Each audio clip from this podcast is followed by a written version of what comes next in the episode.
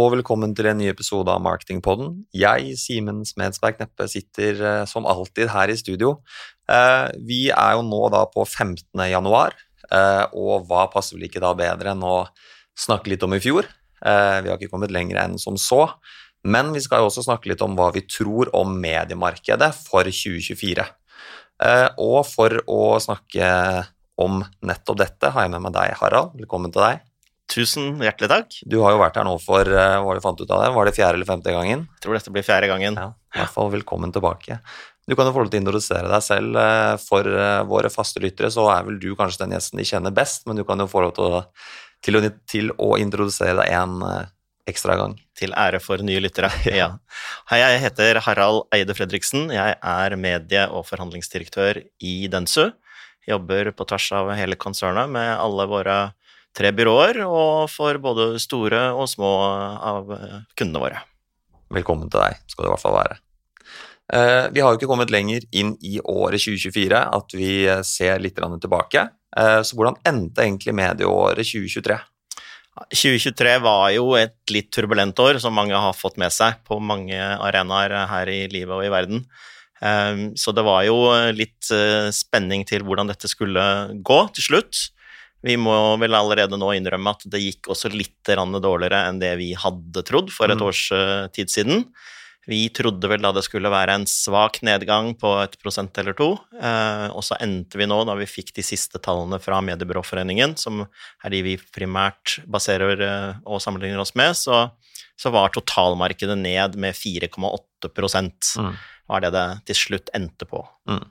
Eh, Kan du si noe om hvorfor vi tror resultatene ble på slik de ble, og er det noen sånn klare vinnere og kanskje noen klare tapere fra året som gikk? Ja, Grunnen til at det ble som det ble, er vel det som du og jeg og veldig mange i Norge føler på kroppen hver eneste dag, Mm. nemlig at ting er blitt dyrere, Mm. rentene er høyere. Så det er rett og slett de makroøkonomiske nøkkeltallene som i, hadde en litt svakere utvikling, spesielt Mm. kanskje i andre halvår. Så vi skjønte jo at første halvår i fjor skulle være litt rufsete, og så hadde vi håpet på en sakte bedring utover, utover eh, høsten. Men det skjedde jo ikke. Vi fikk eh, renteøkning på renteøkning, og eh, alt var dyrt. Og, og dette er ting som til sammen bidrar til at vi da endte litt svakere enn det vi, enn det vi gjorde. Mm. Nå er det ikke bare, det er ikke bare dårlig nytt og, og, og elendighet, for at det er jo noen mediekanaler som faktisk klarte seg veldig bra i dette bildet. Mm. Eh, De store vinnerne, for å kalle dem det, da, var bl.a. blant annet eh, lyd. Altså det er det vi tidligere kalte radio, men der vi nå må inkludere det vi holder på med her nå, Mm. podkast og, og, digital strømming. Eh, Det var også utendørs, som hadde en, en hyggelig pluss, og også et lite medium, eh, men som også gjorde det veldig bra, er jo kino. Mm. De er eh, vel det siste mediet som kom seg ordentlig ut av eh, koronakonsekvensene. Mm. Eh, ved at de fikk til slutt orden på produksjoner og streiker i Hollywood og litt av hvert. Så da Mm. ble det bra på slutten. Ja. Ok, da har vi fått etablert litt sånn, Kai, hvordan er det det egentlig ble? Så hvis vi nå skal begynne å se litt på hvordan vi tror det blir, og litt sånn hva vi tror og hva vi vet, kan du fortelle litt om det for året 2024? Ja, jeg tenker jo det at vi står jo overfor nok et litt spennende år. Mm. Eh, dette med å lage prognoser og kikke i krystallkulen er jo aldri veldig enkelt, eh, og det vil alltid være et stort eh, element av usikkerhet knyttet til dette, men vi prøver nå å samle sammen den informasjonen vi har, og prøver å, å lage så gode analyser og prognoser som mulig. Og jeg har jo gjort dette noen år også nå, eh, i min jobb, eh, og jeg må vel si at 2024 er mer krevende enn et gjennomsnittlig vanlig år. Det er det. Mm. Sånn helt generelt så tenker vi vel at det skal være, fortsatt være litt, eh, litt tøft eh, første halvår, Mm. men eh, vi er jo evige optimister, så vi tror vel på nytt at eh, andre halvår skal da, da skal det bli så meget bedre. Mm. Eh, Så er det veldig mye som kan skje i verden og i Norge og, og samfunnet for øvrig innen den tid, men, eh, men det er det vi tror. Vi, vi, vi tror at eh, det kommer til å være ikke noe krise eller noe voldsom nedgang, men et litt forsiktig, nøkternt år også i 2024. Mm. Og hvis du da skal prøve å svare på hva er det vi tror kommer til å drive eventuell type økning, og hva er det vi tror kommer til å drive lavere etterspørsel nå i år? Eh, vi ser jo det at uh, medieomsetningen er en funksjon av næringslivet og veldig mye hvordan det går i Norge. Mm. Sånn at uh, det er klart at så lenge renter er høye og, og ting er dyrt, og, og bedriftene eh, må veie veldig for og imot hvilke hva de bruker sine utgifter og kostnader og investeringer på, mm så, så, kommer nok man til også å kikke nøye på, på markedsføringsbudsjettene og se mm. hvor mye bruker jeg egentlig på media, for at det er eh, veldig mange som eh, Altså, de ser ting i et mye større perspektiv og, mm. og, og, må ta de prioriteringene de gjør. Så det at vi er inne i litt sånn eh, ja, litt tøffere makroøkonomiske tider, legger en åpenbar demper på, på øh, omsetningen mm. i reklamemarkedet. Mm. Men så vet vi også det at uh, det er jo en del ting altså Ola Nordmann har stort sett jobb.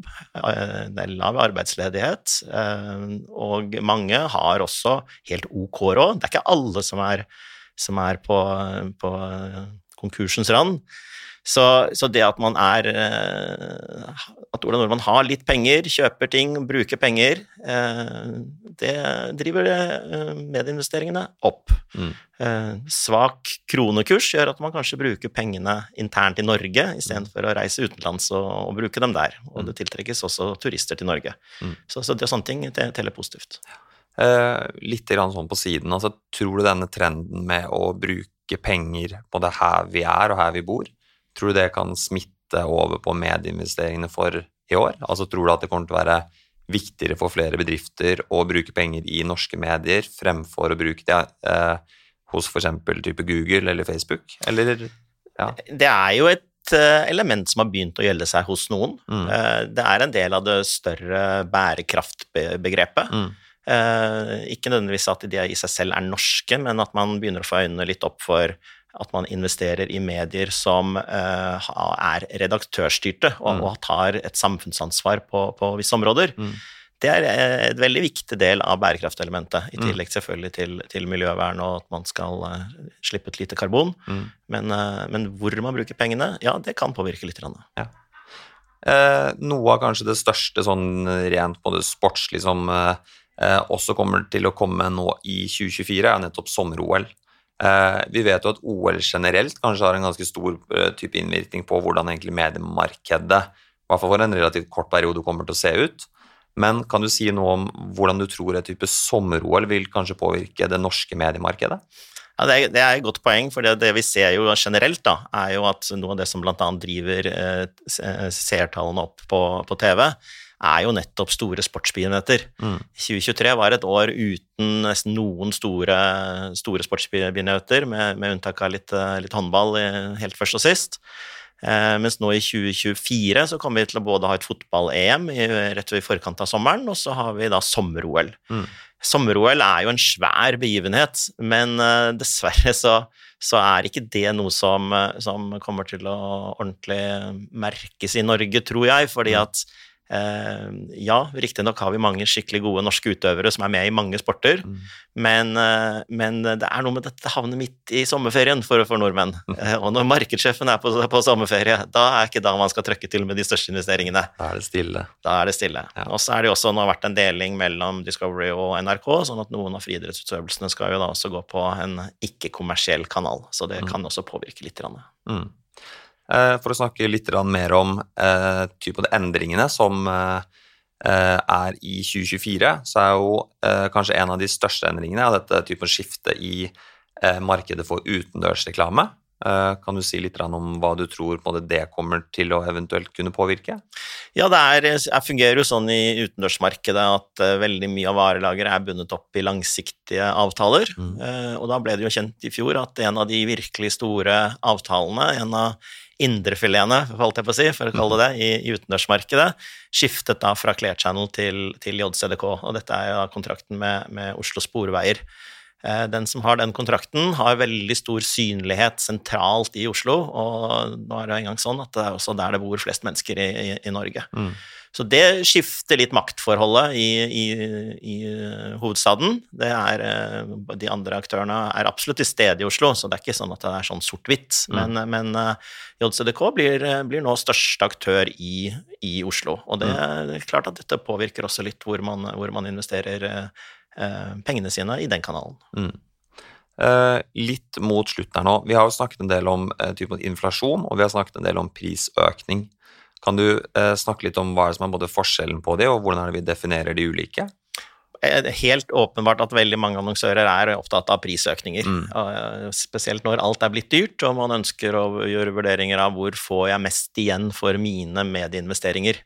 Eh, kjøper jeg det samme som i fjor, må, må jeg da betale mer eller mindre enn jeg betalte i fjor for det, for det samme. Mm. Eh, og da liksom pleier vi i vår bransje da å skille litt mellom hva vi da kaller prisøkninger, eller listeprisøkninger, og det som eh, til sammen blir en, en inflasjon. Mm. Og det kan jo enkelt forklares med at eh, en listeprisøkning er jo det, eh, den endringen mediene gjør i sin prisliste Mm. for et produkt. De har en helt klar eh, ambisjon og ønsker å få dekket inn eh, til eh, sine regninger og kostnader, og kanskje litt overskudd også, så de setter opp prisen med det de føler at de tror markedet tåler. Mm. Og så er det jo vår, vår oppgave som mediebyrå, og spesielt min, er jo også å hjelpe annonsørene våre kunder og for å se hva vi kan forhandle. Fordi at uh, listeprisøkningen er et utspill, eh, og så skal det forhandles, og så får vi til slutt en avtale. Mm. Sånn at det er jo da en, en eh, Listeprisøkningen er en bruttoøkning, og så får, forhandler vi, så får man en nettoøkning. Men så er også det tredje elementet inni dette er jo hva, hva man faktisk får levert. Mm. For i en lang rekke mediekanaler så, så kan man også få levert eh, litt mer enn det, man, det minimum som man kan forvente. At man får litt ekstra visninger eller, eh, eller seere eller lyttere eller andre bonusgoder i tillegg. Mm. Så alle disse elementene til sammen er jo det vi prøver å estimere, at dette blir, dette blir inflasjonen. Mm. Og det vi, det vi ser nå i inngangen til 2024, er jo at listeprisøkningene er Det er ikke de høyeste vi har sett. Eh, Det indikerer vel litt at eh, mediene er litt usikre på om de klarer å selge ut hele varelageret sitt. Så de ønsker å prøve å holde seg konkurransedyktige. Eh, og så får vi se da hvor, hvor mye som vi klarer å forhandle bort av dette til syvende og sist, Mm. eh, og hva som blir levert. Eh, jeg tenker helt til slutt, eh, hvis du kan få lov til å prøve å spå hvem er det som kanskje kommer til å bli medievinnerne, for å kalle det det, for i år, hvem ville du da valgt? Eh, vi var litt inne på det i år, ble det bl.a. både TV, og det ble kino, og det ble lydmediene. Tror du det også kommer til å være de sterkeste mediene også i år, eller kanskje vi ser noen nye medier som trer frem? Jeg tror faktisk det, altså. Det er, eh, det er eh, den innovasjonen og den utviklingen og den dynamikken som er i utendørsmarkedet, Mm. gjør at jeg tenker at de, de har fortsatt et potensial, og de har en ledig varelager. Lyd er jo, eller har tatt over litt eh, fra de investeringene som tidligere ble gjort på TV. Mm. Fordi at de, eh, de er et dekningsmedium som er eh, rimeligere å kjøpe inn. Og når man kombinerer dette med, med strømmeprodukter osv., så, videre, så så når man faktisk en, en nesten flere og en bedre spredning av, av uh, de folkene man, man ønsker å nå, da. Mm. Sånn at uh, tro på dem. Uh, kino er en liten kanal, så selv om de gjorde det bra i, i 2023, så, så er de mest avhengig av hvilke filmer som kommer, mer, Mm. enn at, uh, mer enn at det er trender og ting. Men det er jo fortsatt også da et yngre publikum som man nesten ikke finner på lineær TV, som, Mm. som man kan nå der. Så det, det er et populært medium hos mange mediekanaler. Og med det så tror jeg vi sier tusen takk til deg, Harald. Eh, hvis man har lyst til å både, de, eh, typ, må de lese mer om dette her, eller kanskje eh, typ, må du vite enda mer, så kan du jo gå og spørre din lokale medierådgiver hos oss i Densu. Eh, og med det så tror jeg vi sier på takk og på gjensyn, og ha det bra til deg, Harald. Tusen takk for at jeg fikk komme. I år også. Ha det bra.